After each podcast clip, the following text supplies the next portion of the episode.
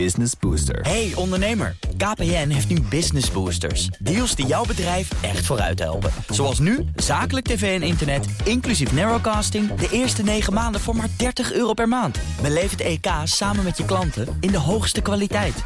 Kijk op kpn.com slash businessbooster. Business Booster. This Houston, contact with a test one. Touchdown confirmed. Hey allemaal, welkom bij een nieuwe Space Cowboys, aflevering 100 en... Ja, Eén. ja, dat kun je niet verkeerd hebben. Dat kan ik jammer eigenlijk. Precies, dit keer weten we het wel. Mijn naam is Thijs Roes en ik zit hier met Michel van Baal. Hallo. Hallo, en een nieuw iemand, Bruno van Weijenberg. Hallo. Hey, hoi, welkom. Jij was er eh, de vorige keer niet bij. Je zou eigenlijk al eerder een keer hier zijn. Ja, het liep anders. En toen liep het, toen liep het anders. Ehm we vonden ik op zich wel, de, de reden is wel leuk om. Ja, ik weet niet, kunnen we het al op de zender gooien? Nee, nee, nee, nog niet. Oké, we- misschien een keer een special guest die eraan komt. En dat, dat we liep een beetje mis. was ik voor opzij geschoven. Was je voor opzij Heel leuk, geschoven? hele leuke aanleiding. En toen kwam de special guest niet.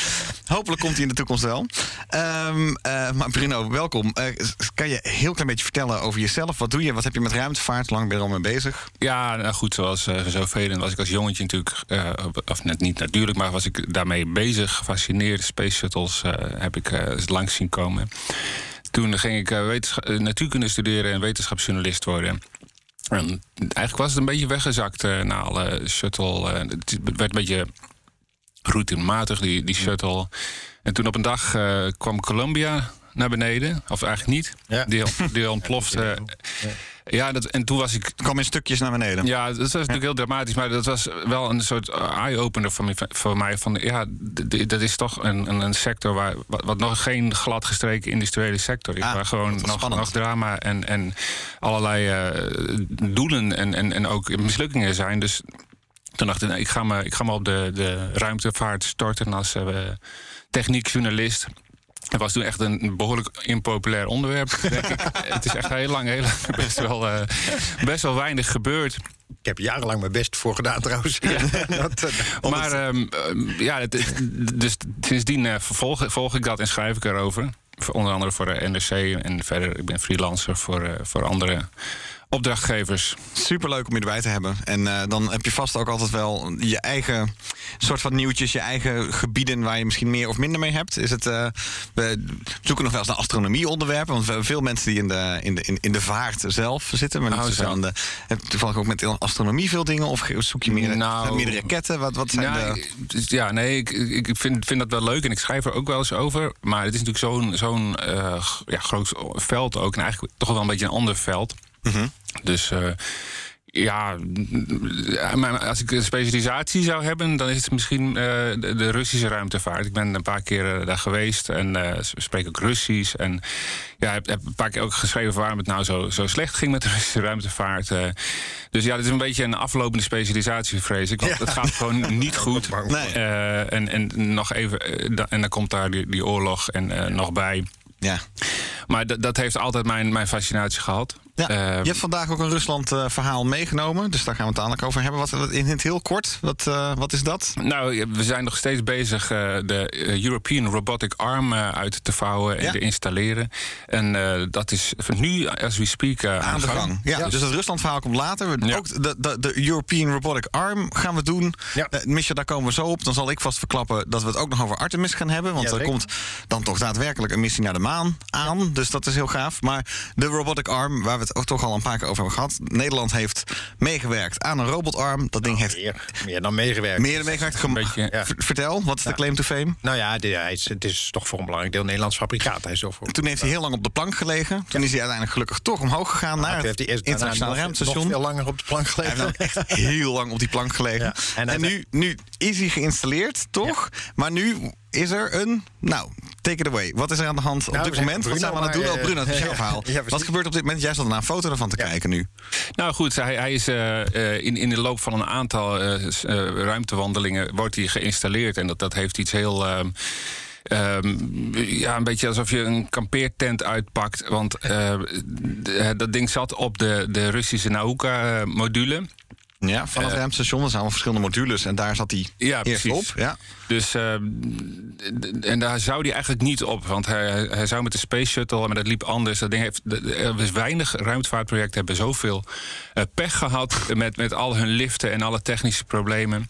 En de Space die Shuttle hier- die volledig ge- ge- gecanceld is. Ik bedoel, dat, is al, dat klinkt al nu zo lang geleden. Van daar zou die eigenlijk mee omhoog zijn gegaan. Ja, vroeger, precies, precies. Lang geleden. Ja. En toen zou hij dus mee met de Russen, met Nauka, maar die kreeg ook problemen. Het heeft ook eindeloos geduurd. Die werd dan, wanneer was het vorig jaar eh, gelanceerd? Ging ook nog bijna mis. Ja, die koppeling, die koppeling werd een drama. Want toen ging hij besluiten dat hij, eh, dat hij zelf een beetje rondjes mocht draaien. En toen ging het station, eh, was er zwaar in controle. Ja, dat was echt inderdaad... eh, Ja. Maar, maar eh, wonder boven wonder is het, altijd nog niet, eh, nog altijd heel, heel gebleven. En zijn ze dat dus nu, ja, ik denk dat het nou de zesde of de zevende ruimtewandeling eh, is. Waarmee eh, ja, vooral Russen, daar heeft ook een keer, ook een keer heeft um, Samantha Cristoforetti meege- meegebouwd. En het gaat dan om, ja, dit schuifje moet daar en, en dat klemmetje zat eigenlijk daar en de camera's moeten geïnstalleerd.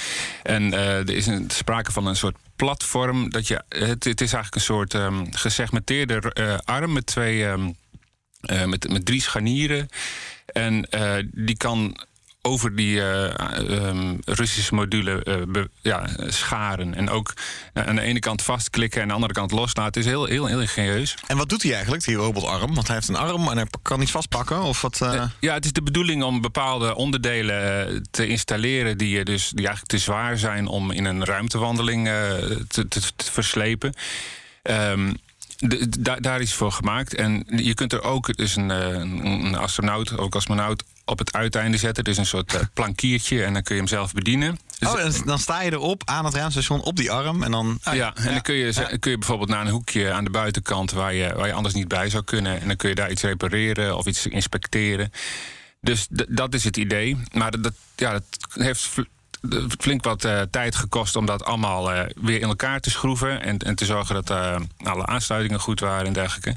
En als ik het goed begrijp, is vandaag dan de, de, de ruimtewandeling waarbij het ja, afkomt. Zodat de volgende klus voor het eerst dat, dat hij een keer echt gebruikt. iets nuttigs gaat ja, doen. dat iets nuttigs gaan doen. Dan is het, dan is het voortraject na 20 jaar Ja, eh, ja. voor- voorbij. En eh, nou, gaat het goed? Eh, Michel, jij zit eh, aandachtig te kijken? Zo far wel, maar het is wel een eh, ruimtewandeling van 6,5 uur. Wow. Dus ze zijn, ze zijn blijkbaar wel Dat is een paar rondjes rond de aarde. een tijdje. Ik zit toevallig even te kijken wat, wat ze vandaag dan allemaal gaan doen. Eh, Kan je eens laten zien eh, aan ons? Wat die, hoe ziet het eruit? Nou ja, je ziet, je ziet hem nu nog op. eh, dit is niet de video hè, voor de goede. Nee, dit is een foto van de, foto. van de arm op de module. Dus Ja. dit is op die Russische module op het internationale ruimtestation. Ja, op die module. Ze gaan inderdaad vandaag eh, een eh, ehm, eh, camera aan installeren. Meerdere, zeg maar. Relocate external robotic arm control panel to new base and, and connect. Dus eh, ja, het, zijn inderdaad, het is het in, in gebruik nemen hier, eh, hier van, eh, van deze arm. Ja, Dat ze, maar het is een ruimtewandeling, hè? dus de astronauten zijn hem dus inderdaad wel nu nog net eventjes echt met de hand aan het installeren. Ja, gaaf. Ja. Nou, nog even duimen voor Nederland. Van wie komt hij af eigenlijk? Van welke, van welke Nederlanders exact? Wel er geen Ja, namen hij is, eh, hij is eh, gebouwd door, door, door het toenmalige uh, Fokker Space. Eh, dat werd later Dutch Space. En dat, eh, is- volgens mij is, dat nog steeds Dutch. Nee, het is nu Airbus. Het is Airbus Ja, natuurlijk. ja, ja. eh, Oké. ja, ja, Die precies. is dan nu verantwoordelijk eh, voor. Ja, het is nog steeds hetzelfde bedrijf, maar een aantal keren van, eh, van naam veranderd. Dus het zijn, eh, eh, ja, dat, eh, er zijn mensen nog die hier eh, die decennia geleden met hart en ziel aan gewerkt hebben. Ja. Ja. Die, eh, die dit natuurlijk nu, eh, eh, nu volgen. En voor, voor wie het dan ook wel fijn is, zeg maar, dat dit nou inderdaad dat hele lange proces uiteindelijk toch tot een werkend, eh, een werkende robotarm komt. Het blijft Ja. Het is wel een beetje jammer als ze over twee, anderhalf jaar die eh naar Oeka gaan afkoppelen om hun eigen ruimtestation te beginnen. Ja, daar hebben we het de vorige aflevering over gehad. Dus de Russen die willen eigenlijk eh, die willen hun eigen weg gaan voeren. Dus dan zou de, de Russen zouden de module inclusief robotarm afkoppelen en eh, in beslag nemen. Ik heb dat nergens expliciet zo gehoord, maar ja, je, je kunt je niet iets anders voorstellen. Maar het lijkt mij eerlijk gezegd nogal, nogal dat gaat ze echt niet in, echt niet in Er zit- Er zit de hele 24 tijd een groot verschil tussen wat ze zeggen en wat ze doen. Dat geldt ook Precies. hiervoor trouwens hoor. Want volgens mij hebben ze ook op een gegeven moment gezegd dat ze, eh, dat ze, die, eh, dat ze weigerden om deze, deze eh, wandelingen te doen. Ehm, Maar dat was Ragozin, de, Ja. de baas. ja, ja, precies. Maar toch. En nu, het gebeurt toch. Weet je wel. Dus Mhm. het is in die zin, ja, we moeten maar gewoon kijken hoe dat verder gaat. En dat, ja, we hebben geen glazen bol. Ja, er is een of ander probleem met jouw microfoon. volgens mij. Zijn we, eh, om te beginnen gaan we eens even kijken. Oh, dichter bij je mond kunnen doen. En eh, dan, eh, dan kijken we zo meteen wel. Of het zou of een mond- kabel kunnen zijn, maar dat, dat zien we dan later wel. Of ik mompel gewoon te veel. Of dat je mompelt gewoon vaker. het zou kunnen dat hij dan vanzelf ermee ophoudt. Ehm, en we, hebben we hebben gelukkig ook een of andere... Volgens mij al onze podcasts, die werden in ieder geval vroeger altijd... dan ook nog helemaal ge- gelijk getrokken... zodat iedereen thuis het altijd goed kan luisteren, kan horen. Dus nou, we, we gaan rustig verder. Maar hoe bedoel je gelijk getrokken? Nou, dus ja, genormaliseerd. noem, dan dus eigenlijk alles al wat laag volume is... wordt dan op hetzelfde Oh, zo, v- ja. volumeniveau gebracht. Zodat, ja, Dat- ik, ik praat gewoon veel te hard. Oh. Ehm, dat we allemaal DJ-stemmen krijgen. Precies. Allemaal zo'n DJ, ja precies. Galmen bij iemand, iedereen naar binnen. Oké. Ehm, nou, we, we zullen zien. Ja, want het is een beetje bij die robotarm en het hele ISS misschien wel van. Ja, we kunnen er in ieder geval nog wel een paar jaar van, kunnen, van genieten. Maar de Russen is inderdaad even afwachten. We Wat, gaan het eh, er vast nog wel een keer over hebben, denk ik. Ja. Dat, eh, ja. Het zit er wel in. ehm, wil ik wel even bij Rusland eigenlijk even blijven, Bruno? Eh, want jij hebt ook iets over een spionagesatelliet. Ja, het, ja het, het is natuurlijk eh, het ongezelliger geworden in de wereld. En eh, Rusland doet daar volop aan mee. Eh, en het laatste, ze hebben, wanneer was dat? 4 augustus.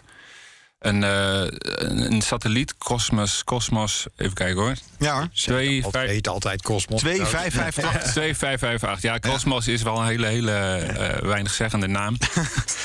maar ehm, ehm, die eh, zit in precies dezelfde baan als eh, een Amerikaanse nieuwe eh spionagesatelliet. De USA 326. Precies. Ja. Ehm, En wat is dat dan? Ja, dat, dat, weet is, niemand. dat, is, dat, is, dat is dan zo'n satelliet die wordt, eh, wordt ge- aangekondigd als een military payload ja. with improved technology. Nou ja, dan weet je nog niks. Maar ehm, waarschijnlijk is dat iets, ja, een satelliet die gewoon scherpe beelden kan maken. Misschien ook eh, elektronische ehm, eh, ehm, signalen oppikken. Maar het is het soort satellieten dat goede diensten be- bewijst in, in oorlogen. In een oorlog, ja. Ehm, en het, ja, de, de, het vermoeden, het hele sterke vermoeden, is dat die eh, Cosmos daar achteraan gaat en gewoon eh, ja, van dichtbij gaat kijken. Ehm, dus een spionagesatelliet. Oh, dat is het. Ze gaan dus niet naar de aarde kijken, ze gaan naar die Ja. Amerikaanse satelliet kijken. Ja, dat, dat heeft ook iemand gezegd natuurlijk. Ja. Maar dat, dat, Dat hebben de. Russen al eerder gedaan. Dat, wordt dan eh, pr- proximity operations genoemd. Dus je, je manoeuvreert jouw satelliet in de buurt van een ander satelliet. Ze hebben al eens een keer iets, een, een soort ehm, een projectiel afgeschoten. Eh, er zijn eh, eh, proeven geweest met, met grijparmen. Dus wat, wat er gewoon heel erg aan zit te komen... is dat op een dag ja, een satelliet uit de lucht geplukt wordt... gesaboteerd wordt, geblindeerd wordt... of op andere manier hinderlijk, gevolgd wordt. En dat, dat is het vermoeden achter, achter deze... Zijn er geen verdragen eh, tegen? Niet dat dat allemaal veel Nou, uitmaakt. nou, iets kapot maken mag natuurlijk niet... maar je mag je, mag je wel ophouden in de baan eh, die, ja, die je zelf wilt. En, En een doek over de lens heen gooien. nou ja, ik vraag me wel af, wat is daar dan te zien? Want wat, wat zul je zien? Eh, ja, een, een hele goede camera. Ja, wat daarin dat die software dan precies doet. Dat... Ja, of is het toch Ja. een soort, meer een soort... ehm, meer de dreiging dan, dan, Ja, dan per se de, de kennis die je wilt Ja, hebben. ja. Er zit een stukje intimidatie in. Hè? En dat, dat is, volgens mij hebben ze bij Space Station ook wel eens gedaan. Ik weet niet of dat nou de Chinezen of de Russen waren... maar dat er een partij was die, die ook heel bewust... een, een satelliet heel dicht in de buurt van, eh, van Space Station had gebracht. Weet je, dat ook de rest zei... wat, Wat, wat dat- kom je doen? Ja, wat willen jullie hier nou mee bereiken? Weet je, maar eh, gewoon om te, ke- te kijken of je het kunt doen. Weet je, en dat, eh, eh, want in zekere zin ja, zeg je daarmee van ja, je satelliet is niet veilig. Hoewel ik me ook best kan voorstellen dat, er, eh, dat je informatie kan halen uit, de- uit de vraag van wat is dit nou voor een ding? Ja, dat, Wel, eh, ja, ja. ehm, hoewel, Maar je kan alle satellieten met een laser toch uit, eh, uit de ruimte neerhalen als je zou willen. Ik bedoel, als een weer een wil is, is een weg, toch? ja, ja, dat- ja, dat- om dat, om, kan om ook, te ja. klooien. Ja, dat kan wel. Maar goed, dat is natuurlijk wel meteen een... eh, een eh, Precies, een oorlogsverklaring. Ja. Ja, daarom. Dus het is een beetje zo, net als met een vliegtuig in iemands eh, zijn luchtruim komen. Is dit dan een beetje zo het aanschurken tegen iemand anders satelliet? ja, het is, het is niemand zijn luchtruim, weet je. Dat Nee, daarom. normaal, dus Ja. ja. die zegt mag wel. Het is inderdaad verboden. Ja, maar en, en ook, kijk, een vliegtuig over de grens vliegen, dat is niet zo moeilijk. Maar het is toch ook het ontwikkelen van een nieuwe, ja, een nieuwe vorm van, van, eh, ja, van wa- toch wapens, wapens in de ruimte. eh, Intimidatie eh, in de ruimte. En het is ook iets wat, ehm, wat, wat China ook, ook, ehm, ook doet Ja. en heeft gedaan. Ehm, dus ja, er zit, er zit wel een, een andere sfeer aan te komen in, in, in, in die ruimte. Hmm. En ja, misschien moeten we meteen even door naar het andere onderwerp, want het lijkt wel. wel Want de Chinezen doen het ook. De Chinezen doen het ook. Nou, om heel eerlijk te zijn, eh, de Amerikanen doen het waarschijnlijk ook. ja, precies. Europeanen niet? Moeten wij dan niet ook? Wij lopen weer eens achter. nee, er is, er is een, ehm, een, eh, de- ja, een, klein ruimtevliegtuigje. Het lijkt een beetje op de shuttle, onbemand. De, dat heet X-37B. En die eh, vliegt al een paar jaren. Volgens mij is hij op zijn tweede of zijn derde missie. Eh, heel lang gewoon in de baan om de aarde. En, en wat hij daar doet, dat weten we niet. Ehm, maar eh, ja, het ligt voor de hand dat hij ook, ook zo'n van die eh, ehm, eh, andere satellieten zouden kunnen benaderen. Maar goed, dat, dat, dat weten we niet. Maar in ieder geval, China heeft eh, laatst o- ook, ook zo'n eh, ruimtevliegtuig eh, gelanceerd vanuit eh, een woestijn in het westen van China. Dat is een ruimtevliegtuig. Dus Nou ja, ik, goed. zit even te kijken wat is nou het verschil tussen dan gewoon een satelliet lanceren hij kan, en hij een. kan landen. Ja, Hij hij, kan landt, landen. hij Ja, landt oké. dus Ja, eh, ja, horizontaal als, Ja. als, een, als een kleine space shuttle. Ja. Ja, die is dus herbruikbaar. Dat, en, en, en dan kun je, kun je misschien iets eh, uit een baan plukken en eh, thuis even goed bekijken, zoiets. Daarbij moet ik wel zeggen dat, dat het een Chinese eh, dat het een ruimtevliegtuig is, dat, is, dat vermoeden we. En dat zij, zij zelf noemen, we, dat- noemen ze dat zo, eh, een experimental space plane. In, in- het wordt al wel aangekondigd door Chinese autoriteiten, maar in, in zeer sumiere bewoordingen.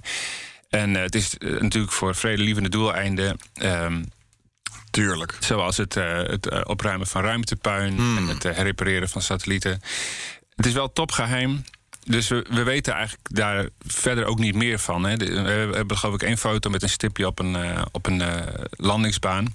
We weten wel het type nummer dus bijvoorbeeld. Dus het is niet een 100% De geheim project. Amerikaanse zijn wel foto's bekend, toch? Dat- Ja, ja, die- ja, ja. Maar precies. d- Dat is gewoon een kleine stompe space shuttle. Maar, wa- maar wat hij doet, eh, daar, daar wordt, wordt geen informatie over gegeven. Vermoedelijk overigens hoor, eh, eh, het te- testen van nieuwe technologie, weet je. Dus Ja, voordat ja. je een hele eh, een nieuwe, eh, s- en met allerlei sensortechnologie, een nieuwe spionagesatelliet omhoog gooit, weet je, is het handig om zo'n ding even te proberen. Ja. Dus ik, mijn eerste vermoeden zou zijn dat ze dat, ze dat ding daarvoor gebruiken. Het is een relatieve kostefficiënte manier om, eh, om een aantal technieken te testen. Ja, ja. Ja, d- ja, d- je gaat ook niet zomaar naar een satelliet toe om hem even eruit eh, uit de baan te plukken. Hè, dat, is, eh, dat is echt niet eh, eenvoudig, alleen al baantechnisch gezien. Nee, zeker niet. Ehm, maar het, het, heeft een laad, hij heeft een laadruim dat open kan. En, en, en eh, ja, Ja, maar dat heb je ook als je, als je sensortechnologie aan het testen bent, heb je dat ook nodig. Ja. Dan, dan bouw je in dat laadruim bouw je een aantal sensoren in. Je hangt hem op zijn kop met zijn laadruim, net als de shuttle vroeger. Of was de shuttle natuurlijk ooit voor bedoeld, alleen bleek daar veel, veel te duur voor. Dan hang je hem open en dan doe je het laadruim open. Dan kun je dan kun je, je, eh, je instrumentarium testen. ja, ja, Eh, dat zou wel het meest logisch zijn als ze hem daarvoor gebruiken. ja, ja, ja. En dat zou ik wel verklaren waarom het soms handig is om wat een tijdje boven te blijven. Want dat is bij de Chinezen volgens mij ook aan de hand. Dat het niet helemaal duidelijk is wanneer komt dat ding nou terug. Nee. Dat, eh, nee, ja, dat kan ik me voorstellen dat dat ook afhangt van het soort eh, experiment dat ze aan het doen zijn. ja, ja. Dus, eh, maar goed, dat weten we allemaal niet. Het is allemaal speculatie. Ja. Ja. Dus nu, het is dus weer een kleine wedloop. Eh, kan je het eigenlijk wel noemen. Maar dit keer dan wel heel. Niet om te kijken, niet om te laten zien. ehm kijk eens wat wij kunnen. Maar meer eh, geheim allemaal. Om, dit zijn, we hebben het nu al over geheime Amerikaanse satellieten gehad, Chinese en Russische. ja, ja, ja, dus dat eh, was natuurlijk altijd al wel zo. Maar ehm, ehm, we hebben het de afgelopen weken ook vaak gehad over inderdaad het uiteenbrokkelen van eigenlijk alle goede intenties van de afgelopen decennia om dan meer samen te werken. Ja. Het zou dus alleen maar meer kunnen gaan worden. Ja, nou is dit niet van, van, van eh, gisteren op vandaag. Nee. Hè? Dit, dit Nee. is al eh, hè, sinds, die, eh, sinds die proef van de China in 2007... waarbij ze satellieten uit de lucht schoten. minstens aan de gang de- deze, ja, toch wel een wapenwedloop in de Ja. ruimte. Ja. Het is wel interessant wat jullie zeiden. Van, dat je op een gegeven moment ook maar moet laten zien dat je het kan. Want dan kan je het inderdaad, mocht het ooit oorlog worden of wat dan ook, kan je het in ieder geval inzetten. Dus dan heb je in ieder geval van tevoren de, het als dreigmiddel, om het zo maar Ja, te zeggen. ja, En dan, eh, afschrikking. Ja, ja, Ja, afschrikking. Ja. Ja. Ja, wat, wat volgens mij veel mensen ook niet weten, weet je, dat, eh, want dit, dit is niet nieuw, weet je, dat dit eh, gebeurt aan alle kanten. Kijk, we hebben heel veel aandacht voor, die, eh, eh, voor, de, voor de ruimtevaart van NASA en nou ja, de, de modernere variant van SpaceX. Maar dat zijn vaak ook proje- projecten die van NASA zijn. Maar NASA is in Amerika bij, absoluut niet eh, de grootste ruimtevaartorganisatie. Weet je, de Department of Defense in, in Amerika is, Ja. is in omvang van budget een grotere ruimtevaartorganisatie dan NASA. Ja, tuurlijk. Dus er, Ja. gaat, er gaat veel meer geld naar militaire ruimtevaart Ja. eh, dan de meeste de- mensen denken. Alleen ja, daar hoor je nooit wat over. Ja, je, kan, je kan het in het budget zien, maar wat ze ermee doen, Ja. ja, dat weten we niet. Ja, of, of je krijgt zo, ja, een, eh, tientallen spionagesatellieten. Maar ja, hoe, hoe, hoe lang schrijf je daar een stuk over? Ja, het is Ja, nee, is ook zo. Nee, in die zin is het, het is ook niet zo heel journalistiek ook mo- moeilijk om dat interessant Om er iets mee te doen, ja, wat jij zegt, hè? Zo'n Nou ja, je ziet military wel, payload. Als het erop staat, dan wordt er inderdaad alleen gezegd... ja, dan gaat de military payload omhoog. Ja, daar kan je geen leuk verhaal over maken. Ja, dus je krijgt geen media, geen presskit bij. Maar we zien natuurlijk in Oekraïne wel wat het verschil, eh, Ja. wat voor verschillen dat maakt. Ja, nou, nou ja, wat je daar ziet is, is wat, je, wat, je, wat ze civiel kunnen doen. Ja. Eh, weet je, want die, wat je ziet het omdat, ik geloof Planet Labs, het was Ja, Maxar en... eh, Ja. Waar hebben jullie het nu precies over? Nou, dat je, dat je eh, vaak in de krant sa- satellietfoto's ziet van dingen die in Oekraïne zijn gebeurd. Waardoor je kunt zien nou ja, of informatie klopt van, van verschillende partijen. Ja. Maar die komen van civiele partijen. Aha. Weet je, dus die, die, mijn inschatting is altijd dat militairen minimaal nog een factor 10 beter Ja, kunnen. Alleen Ja, dat zie je nooit. De enige keer dat dat volgens mij eigenlijk een beetje vermoedelijk zichtbaar was, is dat toen Donald Trump een, een, op de, een foto op Twitter gooide die hij volgens mij niet op Twitter had moeten gooien. Oh ja, tuurlijk. Dat, eh, en dat dat een, een, een, beeld gaf van wat de huidige capaciteit Tijd is. Maar zou kunnen. daar weet je niet eens van of het klopt. Weet je. Dat zou nog best veel beter dan dat kunnen zijn. ja.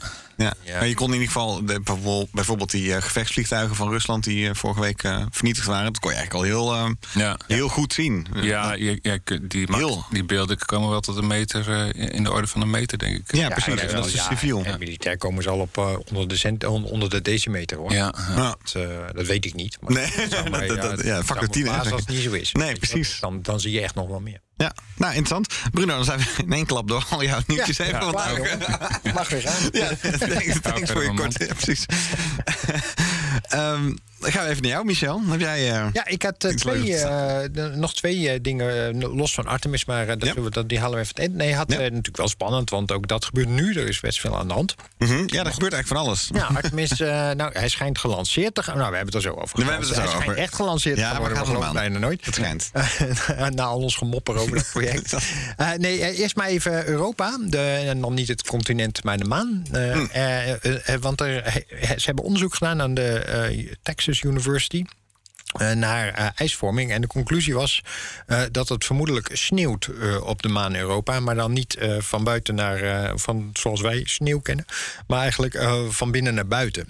Dus dat er, ze hebben gekeken naar ijsgroei onder. ehm, ze hebben eigenlijk onderzoek gedaan naar ijsgroei onder Antarctische ijsplaten. Hoe dat ijs aangroeit aan de onderkant. En dat bleek op twee manieren te gaan. Je krijgt er, er ontstaan eigenlijk bergjes of bergen. Want, Europa heeft een, een soort onder, onder ijzeren zee, hè? Ja, Europa heeft goeie ze- inderdaad is een waterplaneet met, eh, eh, met een enorme dikke ijslaag eroverheen. Waterwereld, zullen we het maar even noemen, voordat we allemaal Ja, boze reacties Oh ja, krijgen. over dat- watermaan. het is een maan is van een Jupiter. Ja, het is een maan van Jupiter. Het is een wereld, dan een ijswereld. Ja, en, eh, en het is een van de, van de meest, toch wel, hoe noem je dat, inspirerend, Echt fascinerende plekken. qua als het gaat over de vraag: zou leven op een andere, plane- eh, op een andere object, Wereld, ja. wereld Ja. kunnen hebben ontstaan, onafhankelijk van ons? Dan is dit er één, weet je, omdat vaak wordt gezegd: ja, vloeibaar water is daar voor zover wij het kennen wel een voorwaarde van. Dan is die, die oceaan van Europa, die onder die dikke ijslaag zit, is wel een van de meest fascinerende plekken. Ja. Nou, daar gaat eh, over een aantal jaren Europa Clipper naartoe, een eh, speciale missie. Dat is een radar. En de bedoeling is om met die radar door die, eh, die kilometers dikke ijslaag heen te proberen gaan kijken. Of in ieder geval die samenstelling van die ijslaag te leren kennen. Nou, er is alleen één probleem. Als je ijs hebt, dan kun je met radar best goed in. Maar niet als er te veel zout in zit. Dus Oh. op het moment dat daar veel zout in dat ijs zit, dan, dan wordt het veel lastiger voor die radar om daar ja, te, doorheen te penetreren.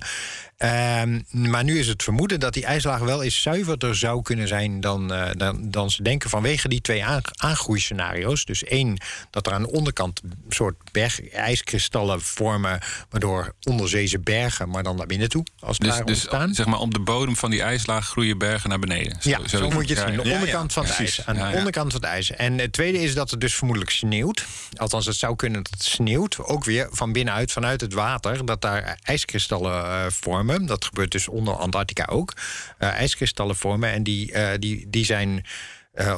veel zuiverder dan. Er zit weinig zout in, zeg maar. En Ja. zijn daardoor lichter. En gaan dus omhoog zeg maar, richting de Ah, ja. onderkant van die, van die ijsschots. Dus het, het sneeuwt naar, bo- Boven. naar sneeuwt naar boven en door het een water soort heen. Ja. omgekeerd Groenland dan. eh. Ja, zo, eh, en, en, en ze zeggen, en dit is overigens de universiteit die ook die radar ontwikkelt van, eh, van, eh, voor Clipper. Dus Oh, logisch dat Ja. zij hier onderzoek naar doen. Dus er, er ontstaat wat hoop dat die ijslagen wel eens veel minder zout, zeg maar, dus eigenlijk veel zuiverder zou kunnen zijn dan, dan, dan tot nu toe werd gedacht. Ze weten al wel dat de druk aan de onderkant is heel vergelijkbaar met, met een ijsschots in Antarctica. Dus het is vergelijkbaar onderzoek. Maar ja, voor de rest weet je over die samenstelling van die oceaan natuurlijk nog Nee, nog helemaal niks. Dus ze hebben dit, dit is onderzoek dat ze op Antarctica hebben uitgevoerd. Ja, oké. nee, met dat de bedoeling om, om die, nou ja, die, zo goed mogelijk die ontwikkeling van die, eh, van die radar te kunnen doen. Zodat je nou ja, zoveel mogelijk kunt leren straks over, eh, over Europa. Nou, Ja. super spannend. Ja. Europa Clipper die eh, staat gepland voor over twee jaar. Dus Michel, dan, eh, dan eh, wat was ook weer de regel? Ja, nou, dus dan, dan weet je nog niet wanneer die gaat. Ja, precies. Dus dan, dan wordt het 2030. Maar Ja, nee, nee, het is ja. wel gaaf om eh, te gaan kijken. Dit, wat, het is wel, we weten inderdaad natuurlijk nog niet wat er in die oceaan zit. We weten dus alleen maar dat hij als een soort tennisbal wordt gekneed... Ja. doordat hij rondom Jupiter gaat. Ja. Nou ja, of dat sneeuw dan op dezelfde manier werkt... dat is allemaal nog een grote vraag, hè? Moeten we nog achterkomen. Ja. Ja. het blijft, maar het blijft een fascinerende plek. Ja, ja, ja. Dus nieuws over Europa is altijd... eh, Ja, absoluut. Ja, het jammere bijna van die ijswereld is... Als we, als we gewoon nou iets meer geld beschikbaar zouden maken... dan zouden we ook naar en, en, Enceladus kunnen. En nog naar veel meer andere. En dan zou Europa Clipper gaat dus eerst kijken. En daarna Ja. pas nog een keer met een nieuwe missie pas boren waarschijnlijk, zoiets.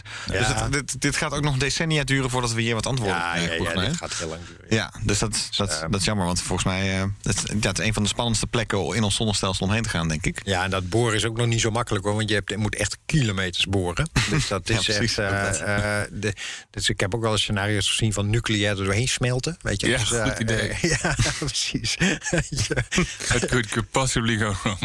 ja, of daar de bewoners heel blij mee gaan zijn, is er natuurlijk een, een tweede. Kom je naar beschaving tegen. Maar het is daar, je, je staat er al stijf, stijf van die Jupiterstraling, eh, gok ik. Ja, Ook dat nog, aan de bovenkant, aan, de, aan het oppervlak natuurlijk. Ja. ja, Daar hebben we het dan over. Ja, ja, precies. Dan moeten ze wel wat gewend zijn. Nou ja, wat zo interessant is natuurlijk, als je ernaar kijkt, dan zie je ook direct dat het een nieuw oppervlak is. Dus het is, het- er zitten geen kraters of nauwelijks kraters op dat oppervlak. En dat maakt het natuurlijk van, toch fascinerend dat de hele tijd het zichzelf vernieuwt. Dus Ja. het, ja. Ja, een schaatser kan het gewoon, ja, die ziet daar iets aan. Het We kunnen ook gaan schaatsen natuurlijk. Nederlandse missie om te gaan schaatsen op Europa. Volgende keer in Space je hoeft dus ook niet per se, om nog iets serieus over te zeggen, je hoeft niet per se eh, de, daarbinnen om een gevoel te krijgen of daar om te ontdekken of er misschien leven in zit. Ja. Weet je, dat, dat is natuurlijk niet het, ja, dat is voor ons het fascinerends, maar voor de wetenschap natuurlijk per se, per se de, altijd de, de leidende vraag. Maar eh, op, omdat er inderdaad continu uit water omhoog welt, weet je, Ja. en aan de bovenkant van dat ijs en dan weer bevriest, zeg maar, kan je natuurlijk ook aan, aan die, uit die samenstelling van als je in staat bent om een deel van dat water, nou ja, van dat ijs te analyseren. Het komt van binnen, weet je. Ja. Dus het is, nou ja, weet je, eh, je hoeft, je hoeft er niet eens per se door, eh, doorheen om er denk ik al heel fascinerende dingen te leren. Nee, precies. Ja, het is natuurlijk dat eh, bij Enceladus is. eh, daar is. hè, dus dat is een maan van Saturnus. Daar kwamen gijzers uit. En daar, is, daar zijn we al doorheen gevlogen. Met, om te kijken wat er dus eh, wat er dus in zat. En daar zat Ja, zelfs. ehm, hoe noem je het in het Nederlands? Organic molecules. Ja, organisch. organisch, materiaal. Ja. Dus ehm, eh, ja, het blijft eh, nou, Ja. snel, snel terug daarheen. Dan blijven we even in het zonnestelsel. Eh, Mars, eh, daar is dan even slecht nieuws. Ik weet, het, niet helemaal, helemaal duidelijk, maar ehm, het, was eh, de InSight-zonde. Die is daar een aantal jaar geleden heen gegaan. Oh ja. Om eh, te kijken of er... ehm, eh, ja, eigenlijk met een... eh, eh, volgens mij door een soort schok aan het oppervlak te geven... een soort kleine aardbeving te creëren... kunnen ze meten wat er onder zit. Hè? Ehm, en daar zou water hebben moeten zitten. Het hele idee was dat ding gaat op een plek staan... waar dan waarschijnlijk wel water in de grond zit. En eh, hij kan niks. Hij kan geen water vinden. Ah, ja. Ja. Dat, dat is eigenlijk op zichzelf wel weer eens een keer nieuws. Nou, Dat is weer eens een keer nieuws. Ja. ja. Geen water op ja, Mars. geen water Geen op water op Mars. Mars. In ieder geval tot 300 meter heeft hij gekeken. En daar zat het dus niet. En dat is eigenlijk met Mars altijd een beetje het ding. 100 jaar geleden was het eh, wa- was ongeveer de, de consensus eventjes van... Nou, daar wonen, daar wonen allemaal mannetjes en die maken grote kanalen op, aan het Ja. oppervlak en bla bla bla. 150 jaar, denk ik. Nou, dat nee, was nog 100 jaar geleden. Echt was, ja, volgens mij pas in de jaren 60. Ik ben even de naam van de missie vergeten. De, een betere historicus die kan het mij vertellen. Die vlogen langs en toen werd eigenlijk uit de foto's werd duidelijk van... eh, oh, het is eigenlijk een hartstikke dode planeet. We- Nee. Er is hier echt helemaal niks. De close-up foto's. En vanaf dat moment was het dus, in plaats van het is helemaal vol met leven, is het helemaal leeg. Pioneer? Mariner, Mariner. Mariner. Mariner was Ja, het. dat- Ja, Mariner vloog er langs. En toen was dus Mars opeens helemaal dood. Scherp je. Ja, dank je, dank je. Eh, en toen was Mars dus opeens eh, de- de- helemaal dood. En sindsdien is het weer langzaam optellen van... oh nee, maar er is toch eigenlijk wel waterijs. En oh, er er is misschien water geweest. En er zijn rivieren geweest. En we kunnen zeeën vinden. En Ja. de hele tijd van die kleine stapjes. En dan nu opeens Nu gaat de slinger weer terug. slingen we terug. Omdat de, de grote vraag blijft een beetje van... ja, we zien dat er dus allemaal water is geweest. Maar waar is het? Ja. Waar, waar is al het water heen? Is het er nog? Is het misschien weggevlogen van... Maar ja, aan, Mars de, is aan het. Mhm. de andere kant, je zet dat ding op een bepaalde plek. Weet je, Ja. en de conclusie is hier niet. Nou ja, dat, blijkbaar niet daar. Er is nog Ja. best wel veel, veel Mars over waar het nog wel zou kunnen zitten. Ja, dat is een stomme. Dit Ja. was natuurlijk niet, een, niet zo'n rovertje hè, als al die andere. Het was nee, echt ja, een ja, soort, ja. soort, soort plak, een soort, soort, soort grote pizza die als het ware gewoon op de grond is neergezet. En daar moet hij doen. Hij heeft overigens volgens mij nog wel meer nuttige dingen gedaan. Ook aan atmosfeeronderzoek en zo. Dus ik weet, ik heb het niet scherp hoor. Maar, Maar eh, water vinden. Maar, Maar eh, hoe, hoe kun je überhaupt water vinden met seismische... Dat, dat is eigenlijk kloppen en luisteren? Kloppen en luisteren. Ja. Ja. volgens mij heet het, mat het ding ook überhaupt eh, Marsbevingen. Want volgens mij hebben ze ook de, de landing van, wie was ik weer de laatste? De, de- Curiosity. eh, dit toen eh, de, kun, je, kun je Marslandingen kun je meten, zeg maar. Dus Oké. de, de klap van de klap van het, eh, eh, van het hitteschild, zeg maar, dat, eh, dat Oh, was meetbaar voor, eh, voor Phoenix. ja. Hij heeft dus een, seis, een, een seismograaf inderdaad bij zich. De- voor, voor dat doel. Dus ja, ik hoop dat, Ja, ik ja, hoop dat ze... ik hoop dat ze erover na gedacht, ja. Maar eh, ja, ze kunnen hem niet oppakken en dus nee, er- nu ergens anders neerzetten. Dus het is even wel wachten weer op de volgende Marsmissies. eh Ja. Ja. Eh, wat dan? Dus uh, Inge Loes eh, ter Katen, mede Space Cowboy, die is eh, nog een paar maanden met verlof. In ieder geval niet hier in Nederland, laat ik zo zeggen. Eh, de, als ze terug is, dan moet, gaan we er maar eens even aan de tand voelen over het special eh. Ja. over Mars eh, doen. Dus eh, nou, tot zover het slechte nieuws uit het zonnestelsel. Ehm, dan, eh, eh, voordat we naar Artemis gaan, heb je nog Eh, iets? nog, wel een klein leuk, leuk nieuwtje. Heb je een leuk nieuwtje? Ja, Ja? ja, ik, Iets positiefs? Ja, iets leuks. Ja, We zullen het in een show note zetten, want het is wel in de categorie. Je moet, er even, je moet het even zien. Oké. Nee, ik kwam een filmpje tegen van een vent uit Amerika. En die, was er, die is erin geslaagd na zeven jaar. Om een, eh, een, een mini, een mini Falcon 9 te maken. Ah, Dus ja. Een, een Oh, amateurraket. Oh ja, die heb Ja, ik gezien. ja, Een amateurraket. Ja, ik heb even gekeken hoe het nou gedaan is. Want ik vond, het is namelijk veel moeilijker dan je in eerste instantie denkt. En zelf, ook een zelflandende raket. een het zelflandende amateurraket te maken. Weet je, en hij heeft er zeven jaar over gedaan. En het, het is echt ook. eh, eh, het punt is namelijk het grootste probleem wat je hebt.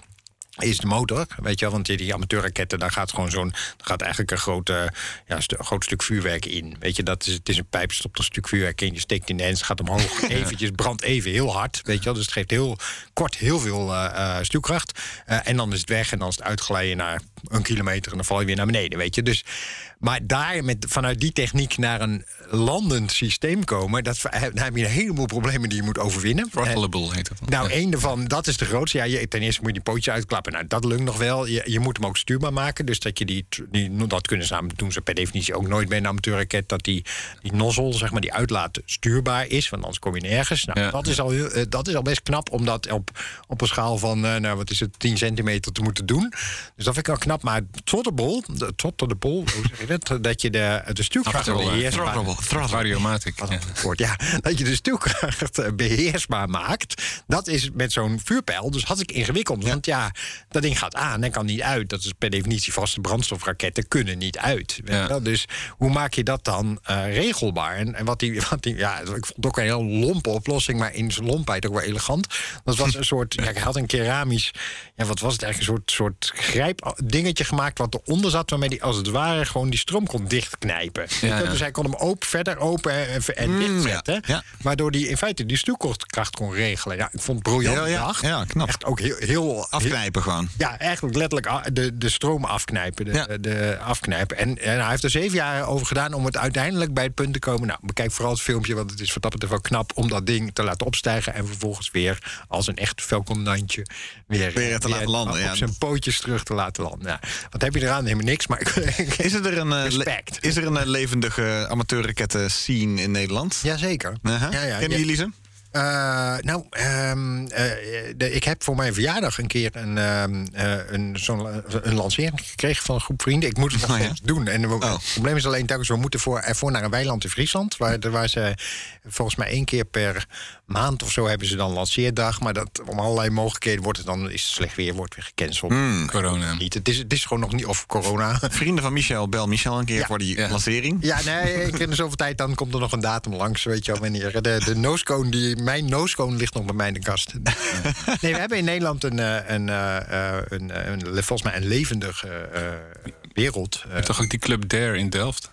Nou, die ook, ja, maar die doen het, dat is een studentenclub, maar die doen ook echt een ontwikkeling. Die zijn Ja. ook wel bezig met, eh, met het ontwikkelen van eh, vloeibare raketmotoren en zo, weet je. Dus echt, eh, en, ze, en, en die, hun lanceringen waren met hybride, maar die ontwikkelen echt hun technologie zelf. Maar je, hebt, je kunt gewoon naar een modelbouwwinkel een modelbouwraket kopen en, en, ehm, eh, en een paar van die ca- cartridges in je gang gaan. Dat En moet je dan naar Friesland daarvoor? je hebt, je moet wel op een plek hebben waar, eh, waar ze een vergunning hebben. Dat zijn, Ja, ja. Je want het is, kan niet eh, in het centrum van Amersfoort gaan doen. Nee, nee, Nee. Het, is, eh, het, het, is, het is in die zin nou ja, gevaarlijk. in, in- de- je moet wel even goed weten wat je aan het doen bent.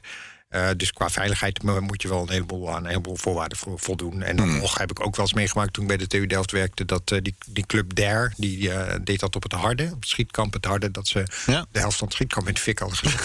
dus dat, nou, kijk, Ja, beetje. heide. Maar ja, dat, dat is, weet je, dus ja, het is natuurlijk wel iets waar je nou, goed voor de voorzieningen moet hebben. Nou, daar staat natuurlijk En anders wacht je gewoon maar op oud en nieuw. Ja, nou, ja, precies. Ja, dat, nee, maar je moet je wel vergunningen voor hebben. Maar dat, dan kan je, je kunt bij zo'n club en dan eh, kun je dat doen. Als je het leuk vindt. Nou. Veel hoger dan een kilometer eh, komen mag je volgens mij niet overigens. Ah, ja. ja. Weten jullie wat... ehm, ik heb nog, een, ik heb nog een, eh, een soort grappig dingetje dat ik langs zag komen. Weten jullie wat eh, spacecraft upmass betekent? Nou, Wat is de upmass van een spacecraft? Is dat dan de cargo of is dat juist het hele ding? Ik zou zeggen wat er uiteindelijk aan massa in de, in de, In de orbit- in de in ruimte. orbit komt. Maar In orbit mag komt. Hoezo? Ja. Hoezo? Nou, er is namelijk een overzicht van eh, alle verschillende partijen... wat ze het afgelopen kwartaal in de ruimte hebben weten te- te Oh. brengen. Ja. En eh, dat is de spacecraft up, upmass. En ik vroeg me een beetje af van... oké, is dat dan, eh, weet je wel, de hele raket of hè? Maar eh, daar blijkt dus uit dat eigenlijk op dit moment SpaceX... dus een soort van totale, absolute heerser is. En het was in ieder geval het afgelopen kwartaal. Als ik het even snel uitreken... hebben ze dus vier keer, meer dan vier keer... ehm, zoveel gelanceerd als de eerstvolgende. Dat is namelijk eh, Chinese Aerospace Science and Technology Corporation. Die hebben ehm 38.000 eh, kilogram naar boven weten te brengen. Roscosmos 17.000. United Launch Alliance was 13.000. Ariane Spas was bijna 10.000. Dat was even omlaag gegaan. En SpaceX heeft dus 160.000. Ja, dus zo. 16 keer zoveel als Ariane Spas. Ik lag laatst dat de, dat de dag steeds te korter werd. De dag. Ja, dat, dat komt natuurlijk daardoor. Dat zal wel. dat, dat, moet, eh, dat moet het zijn. Maar in, in theorie klopt dat wel. ja. het is overigens volgens bij helaas zo dat we, dat we per dag eh, zeg maar een, een, een veelvoud van die massa opvegen aan eh, ruimtestof. Oh, Oh ja? De aarde, ja, de aarde eigenlijk elke dag een heel klein beetje zwaarder wordt. Dus Oh, daar gaat- daar Zou je dat heel dat leuk gaat mijn theorie. Nou, ik denk dat er heel veel mensen naar die eh meteorenregen hebben zitten kijken. Dus misschien dat het toch leuk is om aan te stippen. Wat zei je nou net? Dus de aarde groeit aan de hand van al, die, van al het stof dat we opvegen. Ja, daar, ik, ik heb het niet paraat, dit. Dit heb ik niet voorbereid, maar ik heb het ooit eens opgezocht. Ja. Eh, en eh, inderdaad worden we nou lichter van de ruimtevaart. Ik heb geen idee waarom ik dit opzoek, jongens. Maar ooit heb ik het opgezocht. En worden we nou lichter door de ruimtevaart? Omdat natuurlijk alles van alles in de ruimte brengt. Oké, dus je schiet. eh, Maar dat, dat, dat was jullie oh, ja. opmerking. Ja, de- als je weer dingen nee. wegschiet, dan gaat de aarde. eh, Ja, als een ballerina zou je Als dat een theorie. En dat kunnen we natuurlijk extreem nauwkeurig meten. Maar nee, de aarde wordt wel zwaarder. Omdat, eh, eh, omdat wij eh, elke dag zeg echt een, een orde magnitude groter hoor. Weet je, of misschien wel twee. Wat we aan massa opvegen aan, aan stof. En eh, nou ja, mini-meteorietjes en dergelijke. Ja. De aarde is wat dat betreft nog steeds een enorme stofzuiger. Zei ik het nou net goed? 160.000, hè? 160.000 160.000 160.000 kilogram. Dus, dus, dus de aarde, het is in een heel kwartaal. Dus de, eh, de aarde veegt meer dan 160.000 kilogram. Ja, dat- toen ik dit checkte, was het natuurlijk een andere tijd. Dus ik Misschien, eh, nee, misschien dat we dus nu ik- ik meer heb- lanceren, ik heb bedoel jij? laatst ook Ja. een stukje over geschreven. Ja. Een paar jaar geleden. En toen kwam ik ook eh, op. Toen dacht ik, wat? Maar, ja, dus ja. zoveel vegen wij op. Ja, ja. Nou, dus SpaceX moet meer eh, gaan schieten. Dit- Als dit het doel is. Terugschieten. ja. Het komt er in ieder geval uiteindelijk op neer nu dus dat ja, SpaceX is zo'n enorme ma- marktleider nu geworden in het, eh, in het lanceren van, eh, van zaken. Dat het, eh, ze laten iedereen gewoon ver, ver achter zich. En eigenlijk al de Indian Rocket Lab, eh, Korea, e-space, daar heb je het over kilo's. Dat kan je gewoon Ja, maar tellen hoeveel kilo's. en geen Ja, maar nu honderdduizenden kilo's. de les 1. Vertel. Alles gaat veranderen. Artemis. Ar- maar Artemis, maar SLS. Maar er komt een nieuwe raket aan. Na de pauze. Eventjes voor, voor mensen die het ook weer vergeten waren. De, de, er wordt al heel lang gesproken over... de- de- vergeet SpaceX. Er wa- waren ook gewoon nog alle andere partijen. Er moest een hele grote raket komen... om naar de maan en de rest van het zonnestelsel te kunnen komen. En dat zou het Space Launch System worden. Dat wordt Dat ook het het ook. Space Launch Ja. System. Lijkt nog een klein beetje op de Space Shuttle. Dus, Ja, dat is, dat, het is voor, voor, een, voor deel natuurlijk ook Ja. eh, eh, een, een, een recycling van, eh, van de Space Shuttle in zekere zin. Dat, een hele rare eigenlijk, hè, want de, de, de motoren zijn afgeleid van de, van de Space Shuttle. Alleen ja, in de Space Shuttle waren ze herbruikbaar en hier niet meer. Wat natuurlijk best gek is. ja, ja, dus we laten ze gewoon weer vallen. Ja, en en, eh, de die, boosters ook, die zijn ook zusje. Het is eigenlijk, eigenlijk is het een soort van eh, aangepaste Space Shuttle, maar dan zonder de Space Shuttle. Wat Ja. op zichzelf trouwens best een goed idee is. Maar dat Ja. even terzijde, want het was een rot ding. Eh, maar, de Space eh, Shuttle. ja, ja, precies.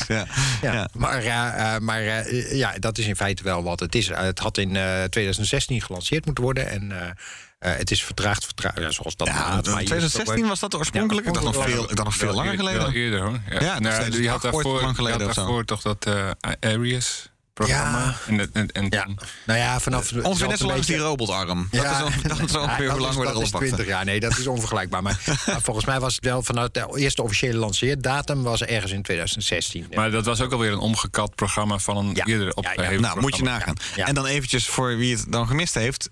Aanstaande 29 augustus moet het dan toch daadwerkelijk gaan gebeuren. nou, het, Moet die toch daadwerkelijk, de eerste SLS, daadwerkelijk gelanceerd worden... en niet zomaar ergens heen, maar richting de maan? Ja, en het echte nieuws was, even het grappige nieuws was, is dat de rollout, die was eh, gisteren en Ja. vandaag. Ja, en- en nu, ik zag hem net nog rollen. Ja, ja. Die rollout hebben ze vervroegd. Weet je wel, die was te vroeg. Nou, Nooit dat, eerder ja, dat is wel Vervroegd. Dat is het eerste ding in het SLS-programma dat vervroegd is. eerder dan, Ja. dan verwacht. Dat is wel een, eh, een kleine mijlpaal. Maar nu staat inderdaad de lanceerdatum op, eh, op 29 augustus. Eh, eh, dan moet hij eh, naar de maan. Naar de maan. En, dat, en laten we even erbij stilstaan. Dat is heel cool dat er een missie naar de maan eh, aankomt. Wat, gaat, wat, wat neemt hij allemaal mee? Wat gaat hij doen? Ja, nou, er zit, er zit een, een proefversie van Orion op. Dus de, de capsule waar uiteindelijk mensen in moeten. Maar dan nog zonder mensen. Dus Ja, er zit een, proef, een proefding Ja, op. er zitten wel eh, zogenaamde mannequins in. Dus eh, zeg maar eh, po- meetpoppen. Oh ja. omdat ze dan vaak ook meten. Ik, ik heb, weet niet helemaal precies hoe, maar meestal ga je dan meten hoeveel straling en zo. Ja, dat is wat ze aan het doen zijn. Ja. Ja. Ja, en dan gaan ze ehm, eh, de- wel op zichzelf ook nog wel iets bijzonders doen. Want ze brengen hem naar de maan. Maar, en dat gaat normaal gesproken gewoon met, een, eh, met zo'n tra- transfer orbit. Weet je al, zo'n ding maakt, kan een achtje maken naar de maan en weer terug. Om het zo maar even te Ja, zeggen. jij houdt van banen, eh, mechanica. Ja, dus is even- ja, dus je moet, moet even zeg je nou wel wat het is. precies. Ja. Ja, nee, nou precies. Nee, dat, ik, ga, ik ga het even uitleggen. Nee, maar hij, hij, hij gaat naar. normaal, je kunt dus, dat doen ze bij Artemis 2, gaan ze dat trouwens ook doen. Dat is een, een soort vrije returnbaan. Dus dan, dan ga je richting de maan, eh, kruis je er tussendoor bij wijze van spreken. En dan slinger je als in een soort achtvorm sling je achter de maan langs. En dan kom je zelf weer terug bij de aarde. Het is super veilig. Vrij traag ook. Hebben ze bij Apollo hebben ze het ook wel gedaan. Op, op een gegeven moment duurde het te lang toen ze toen. eh, maar dit is de meest soort van veilige manier om naar de maan te gaan. Omdat je eigenlijk door de baanmechanica altijd zeker weet dat je terugkomt. Weet je, wel? dus eh, eh, nou ja, dat is natuurlijk voor een, een testlancering met mensen. Als je dat gaat doen, eh, en dat is ook de bedoeling van Dat Artemis 2 moet een testlancering met mensen worden. dan, ehm, eh, eh, dan wil je dat inderdaad eh, doen. Ik, ik moet heel even, in, even Mhm. een goede afkorting opzoeken, jongens. Die, ehm, eh, want er komt, ja, DRO, ik wil wel zeggen. Pardon? Ja, er afkorting waarvoor? Ik kom er zo op. Oh. Ja, ik was Oh. nog aan het inleiden. Maar ze gaan nu dus, dit gaan ze niet doen bij, eh, ehm, eh, bij Artemis 1. Eh, ze zetten eh, Artemis 1 in een soort, zogenaamde Distant Retrograde Orbit. En dat is een baan die op vrij grote afstand distant, dus van de maan staat. Ik meen iets van. dat het iets van, ze- van 70.000 kilometer van de maan af is. Dus Oké. best wel ver. Ehm, en, ehm, hij- en retrograde betekent dat hij tegen de, de draaibeweging van de maan ingaat. Dus als de maan als het ware vanaf als je bovenop het aarde-maansysteem kijkt en dat systeem, de maan draait dan met de klok mee, dan draait deze baan tegen de klok in. Dus de Ja. andere kant. Waarom?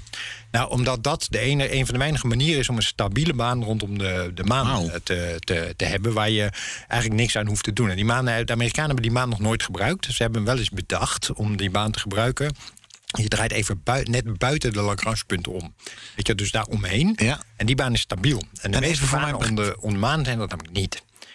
Ja, en voor, voor mijn begrip, vanaf, vanaf hier gezien, eh, is die baan toevallig van ons af en dan weer naar ons toe? Of is het meer dat je hem als het ware als een soort klok eromheen ziet gaan vanuit ons de- Hij gezien? draait om de maan heen. Ja. Ja. en, eh, en die orbit die duurt 12 dagen.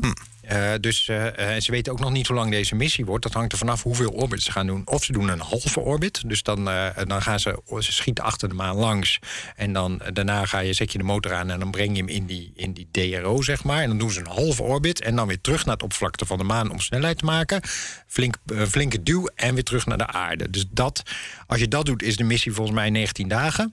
Eh, maar als je anderhalve doet, dan komen er nog 12 dagen bij. Weet je, dus daar hangt Nou, een beetje vanaf. Ja, nog niet wisten, want je zag inderdaad dat het onduidelijk is hoe lang het nou precies gaat duren, maar Ja. ergens tussen de... Maar en dat gaan- hangt, ja, en dat hangt vanaf hoeveel van die, eh, van die, de, van die DRO, of je, of je één of, of, of een half of anderhalf doet. Dat bepaalt de missielengte. Ja, dus tussen de 26 en eh 42 dagen Ja. is eh gericht met eh, dat gaan ze in ieder geval zes, zes van die dagen in zo'n distant retrograde orbit. Sorry, dat gaan ze dus nog bepalen. Ja, dat Oh, gaan ze- dat- Maar ik denk dat ze dat ter plekke gaan bepalen. Weet je, wel, maar het, het hangt ook wel, ja, die missieprofiel is best wel ingewikkeld. Ik heb ook even zitten kijken naar de lanceerdata. Weet je, want dat is ook nog best wel ingewikkeld. Ze hebben 14 dagen waarin ze kunnen lanceren. Ah, dus Dan de eerste dag is periode van 19. 14 dagen niet. Waarbij een deel te maken heeft met, eh, met de performance, de power van de raket, om het zo maar even te zeggen. Want eh, als de zon aan de verkeerde kant staat en die trekt terug, zeg maar, dan heb je niet genoeg vermogen. Dus dat, dat even heel plat, even heel plat geslagen. eh, maakt het uit hoe het zon-maansysteem, of de maan-aardesysteem ten opzichte van de zon staat. Op bepaalde plekken kan het niet. En ze hebben een criterium dat ze niet langer dan een aantal uur eh, eh, in de schaduw van de. eh, dat het ding in de schaduw mag zitten. Dus als de, aarde, de maan achter ons staat, achter de aarde staat. en je, je komt te lang in de schaduw, dan mag het ook niet. Want? En er was nog een derde criterium. eh, oh ja, dat als ze terugkomen, dat de landing moet op, bij daglicht zijn. Dus dat is een hele batterij aan, aan criteria.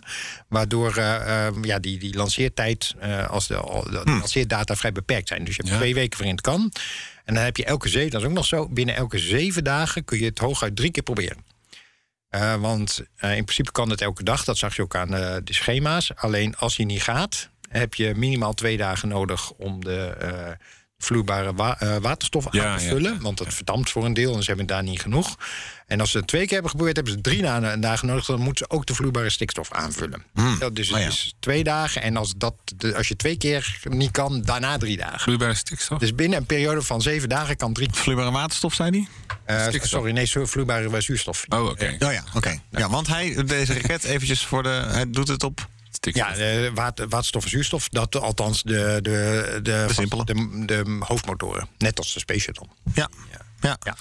En dan gaat hij dus. eh, Maar dus even, de 29e is dus de eerste mogelijkheid. En dan heeft hij dus twee weken, zei je? Ja. Was het niet de 27e? Eh, nee, nee, in ieder geval. eh, eh, ik heb hier staan eh, 29 augustus. Oh, maar dat is eh, Wikipedia. Dus eh, Overigens is het ook wel weer zo dat die, die, die, die DRO-baan waar we het net over hadden, is verder eigenlijk niet zo nuttig. Eh, ze hebben die baan, eh, dat is misschien wel aardig, een keer hebben ze die baan verkend omdat ze van plan waren, maar dat, heeft, eh, dat plan is in het prullenboek beland, helaas was wel een leuk plan, om een, ehm, eh, een near-Earth asteroid, weet je wel, Oh ja, ja. te vangen Hmm. en dan in die baan te zetten. Weet je? En de reden om dat te doen is dat die zo stabiel is dat je hem er gewoon een paar honderd jaar kunt laten zitten zonder wat er gebeurt. En dan kun je daar satellieten naartoe stellen. Ja, om te bestuderen en zo. Oh dus, dus ze hadden ooit een project dat heette ARM. En dat Oh had de bedoeling om een, om een, als een meteor of grote asteroïde die in de buurt van de te vangen en dan in die baan te zetten, zodat je hem daarna een aantal. Want de rest zit alleen een Chinese satelliet, eh, Chang'e 5 zit er. Eh, maar is deze baan nooit gebruikt? Maar gaan ze nou later in die missie volgens mij ook niet gebruiken? Eh, want daar, daarvoor, voor dat, dat, baan, dat ma- maanstation, hoe heet het ook weer, Gateway. Gateway, ja. is een heel andere baan in gedachten. Dus Ja. nou ja, er moet een maanstation komen, inderdaad. En dit is eigenlijk Artemis. Is volgens mij ehm een van. Of nee, zo'n beetje de eerste stap richting dat hele maanprogramma wat, eh, wat de VS probeert uit te, te rollen. Er gaan wel ook nog, behalve dus de eh, Orion spacecraft, gaan er ook nog tien CubeSats mee. Wat wel leuk is, want ehm, de aandacht lag zo op SLS. Doet die raket het wel, doet hij het niet? Ja. Maar eigenlijk nu dat dan deze missie gaat lanceren... zie je wel dat er eigenlijk toch ook wel onderzoek wordt gedaan naar... Hoe, ja, wat, eh, wat is er daar op de maan en wat, eh, wat, welke consequenties heeft het allemaal als we daarheen gaan? En weten we, ja, bijvoorbeeld, eh, hij gaat ijs onderzoeken, de Ja. straling van, van buitenaf, het regoliet gaat hij onderzoeken. Ja, en daar zat er een met een zonnezeil zelfs. Een, een, een, missie met een zonnezeil was, zat, zat er aan boord. Die, ehm, eh, die volgens mij op, ook op, eh, op zoek moest naar, eh, naar asteroïdes of iets, iets dergelijks. Of eh aardscheerders, eh, geloof ik. eh. dus ja, dat zijn best, best wel leuke dingen die inderdaad helaas een beetje in, eh, in, in de ruis vangen. Eh, ergens ook wel spannend, want ze worden natuurlijk wel gewoon in, in, die, in die transfer orbit geflikkerd. Ja. Categorie onderweg naar de maan. Zoek het maar uit dan. Ja. Maar daarna moet je wel wat gaan doen als mini-satelliet zelf. Om, om, om te voorkomen dat je gewoon weer terug wordt gestuurd. en daar dus, gewoon opbrandt. Ja. dus hoe, hoeveel er dan daadwerkelijk in een baan of om de, eh, om de aarde komen? Of zoals bij, die, bij dat Ja, ja. die moet zelfs in, in los van de aarde komen. Dus echt in de baan om de zon terechtkomen.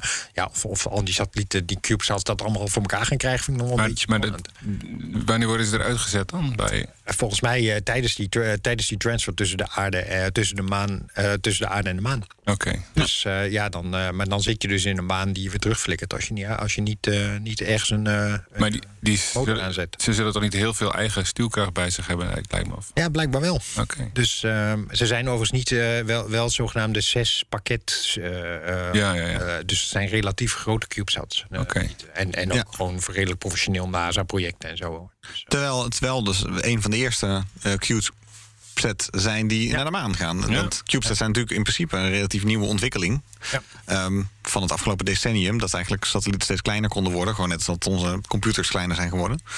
Eh, dus wel leuk eigenlijk dat dat Zeker. nu daar ook eh, wordt eh, doorontwikkeld. Ja. Ik zag nog een ander grappig nieuwtje ehm, over, over Orion. Ehm, blijkbaar heeft NASA samengewerkt met Amazon en eh, Cisco. Om eh, ook voice recognition daar nu te installeren. Daar kunnen die dummies volgens mij dus helemaal niks mee. Eh, maar het was zo grappig, want ik, ik zag dat vandaag. En ik, heb, ben, ik ben bezig met een Alien marathon. De films. ah, ja. En eh, dat, ja, ik, ik had Alien namelijk toen ik een klein kind was. Heb ik ooit eens een keer bij de binnengelopen mijn broers of zo die het aan het kijken waren. En ik vond het zo doodeng dat ik dus die films nooit durfde te kijken. Eh, dus ik ben daar nu aan, deze week aan, eh, aan begonnen. Lekker, lekker de tijd voor. Hm? Therapeutisch. Therapeutisch, ja, precies. Nou, ze waren ook echt, ja, dat betreft ja, gewoon heel, heel, heel vet. Maar ja, toch niet zo eng eigenlijk als dat ik dacht dat ze waren.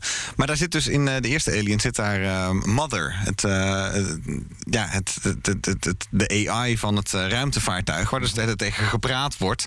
Ehm, en nu, eh, ja, nu is Alexa geïnstalleerd in Orion. Dus eh, ze kunnen tegen het Orion-ding, alsof het Mother is, kunnen ze er tegen gaan praten. Van, Het grote probleem lijkt me wel dat je dan echt geen idee hebt wat voor meuk je allemaal aan op je stoep, als je weer terug bent. nee, precies. Hoezo heb ik dit besteld? Dat, Ja, precies. precies dat, dat, dat er per ongeluk allemaal producten op Amazon zijn besteld. Ja. ja, je wil ook niet dat hij natuurlijk een eigen willetje krijgt. Dus dat Ja, je uiteindelijk ja, open, open de ja. pod bay doors eh, gaat lopen. Dat je dat tegen gaat zeggen, Alexa, open de pod bay doors. En dat hij dan nee zegt. Dat wil je gewoon niet. Dat is gewoon... dat is een andere film volgens Ja, dat is eh, 2001 Space Odyssey. Ja, precies. Maar ook Mother, ook de- in, in Aliens had dus weer hetzelfde ding. Dat ook op een gegeven moment Mother het, het om een of andere reden een eigen willetje krijgt. En dan eh, uithalen. een streken gaat uitlopen halen. Ja, dus dat... eh, I'm afraid I can't do that. ja, I'm afraid I can't do that. Ja, precies. Ehm, die dummies die hebben daar geen last van. Nee, maar als, die hebben- bestellen niks. als Alexa een eigen willetje krijgt, dan komt heel SLS en of dat hele Orion-ding nooit terug. En dan eh, Nou ja, kijk, de eerste vraag is natuurlijk, eh, wat denken we dat hij gaat? Weet je wel, ja, hij zal echt wel eh, gaan. gaat SLS, bedoel je? Ja, nou ja, hij gaat hij goed, hè? Weet je wel, dat, eh, daar heb ik eerlijk gezegd... Kan ook, eh, hij kan ook gewoon nog in, in, in duizend kleine stukjes. eh, Ja, een beetje meer denk ik. Ja, dat, Ja. Maar of dat. Het is natuurlijk best wat dat betreft. Als je kijkt hoeveel problemen ze ook hadden tijdens de, de, de dry runs en dergelijke. Heb Ja. ik nog wel ergens een ongemakkelijk gevoel als ik heel eerlijk ben. Tuurlijk. Ik ben wel blij dat ze het plan ooit van Donald Trump. om de. kunnen we die niet, ding niet meteen bemand maken. dat ze dat in ieder geval niet meer gedaan hebben, om het zo maar even te Oh ja. zeggen. Ja. Eh, en een interessante vraag is natuurlijk. Wat, wat wordt dan de datum? Want jij weet ook. Nou, wel, grapte het al eerder over. Ze zeggen 29 augustus. Nou ja, oké, ze hebben hem allemaal al uitgerold. Maar. Ja, eh, de, de, Hoeveel dagen staan we dan te wachten? Meestal betekent dat niet 29 augustus. Dat is wanneer gaat hij dan wel? Daar zit nog een beetje druk achter trouwens. Misschien wel aardig. Dat ehm, eh, ze hebben die. Ze zit, er zitten boosters, dus een vaste kern is het. Hè, eh, de oude Space Shuttle tank, plat gezegd. En daarnaast zitten boosters. En die boosters hebben een, eh, die zijn gegarandeerd voor een jaar vanaf het moment dat ze in elkaar zijn gezet. Dus de leverancier zegt, nou ja, ik heb ze gemaakt voor je. En eh, ik garandeer een jaar lang dat hij het werkt. En daarna mm, weet ik niet Over zeker, datum. weet je. En dat, althans, dan moet je even terugkomen. En dat jaar dat loopt af op 17 januari.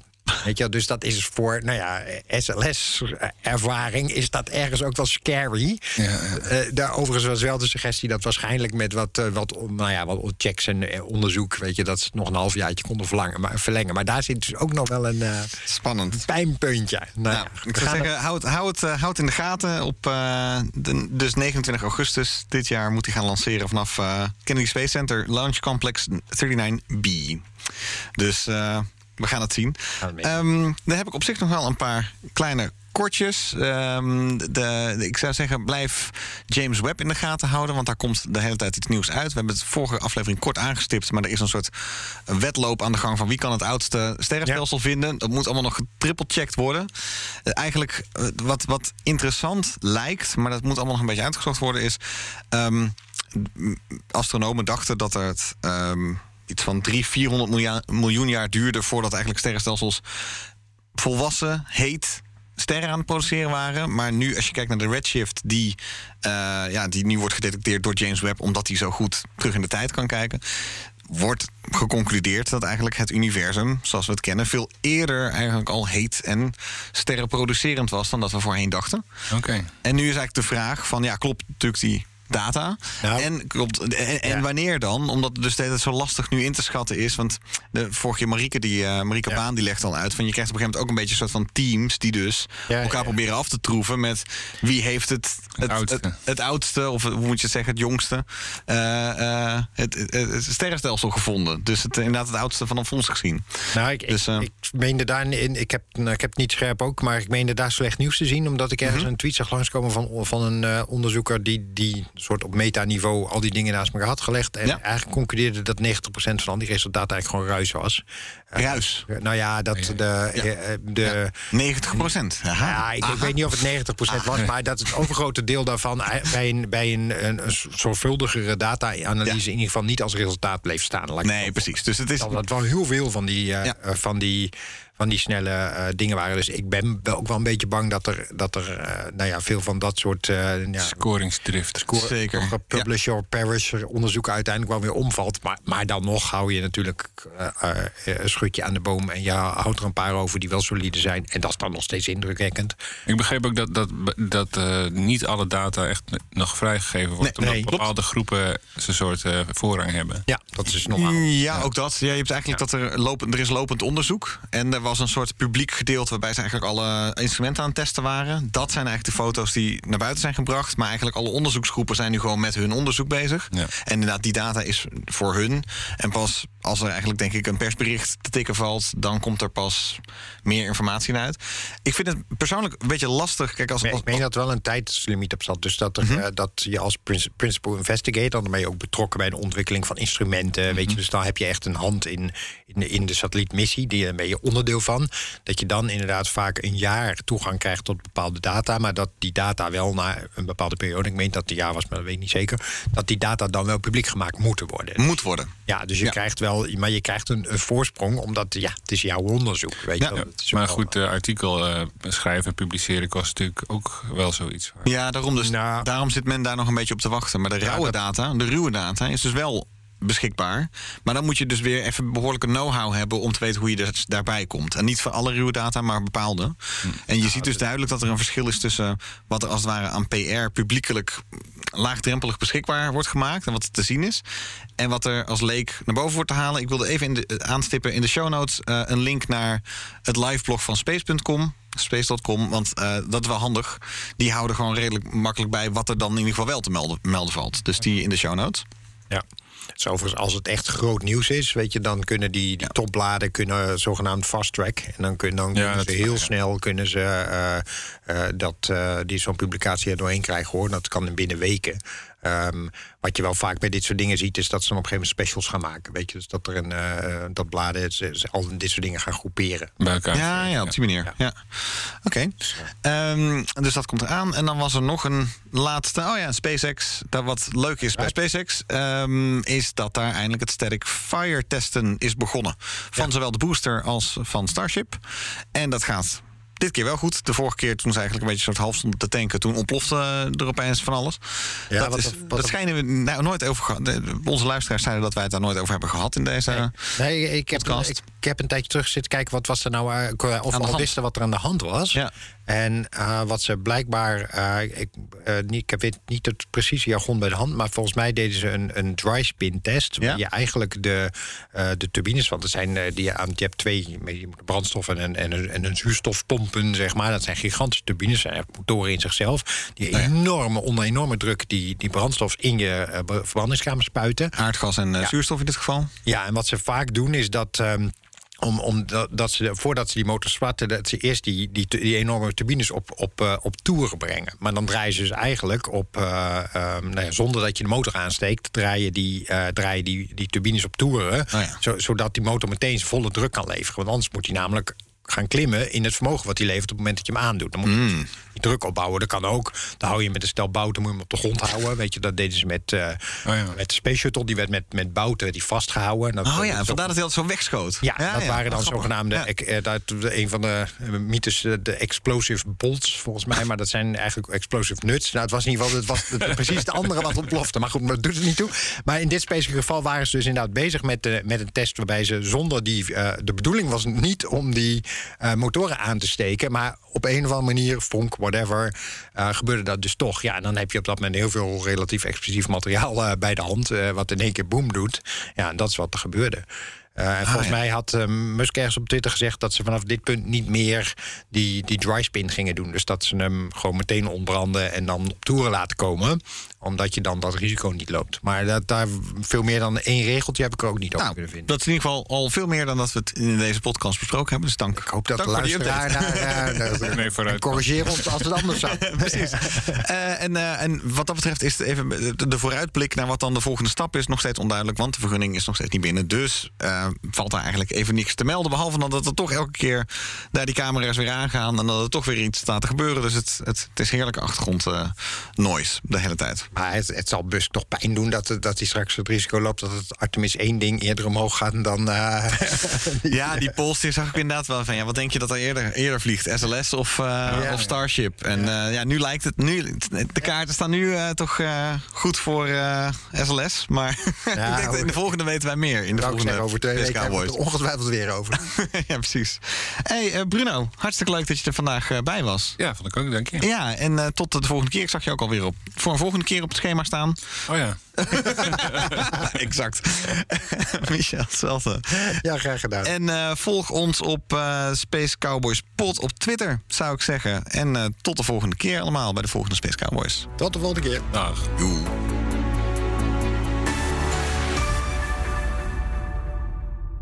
Business Booster. Hey ondernemer, KPN heeft nu Business Boosters. Deals die jouw bedrijf echt vooruit helpen. Zoals nu, zakelijk tv en internet, inclusief narrowcasting... de eerste 9 maanden voor maar 30 euro per maand. Beleef het EK samen met je klanten in de hoogste kwaliteit.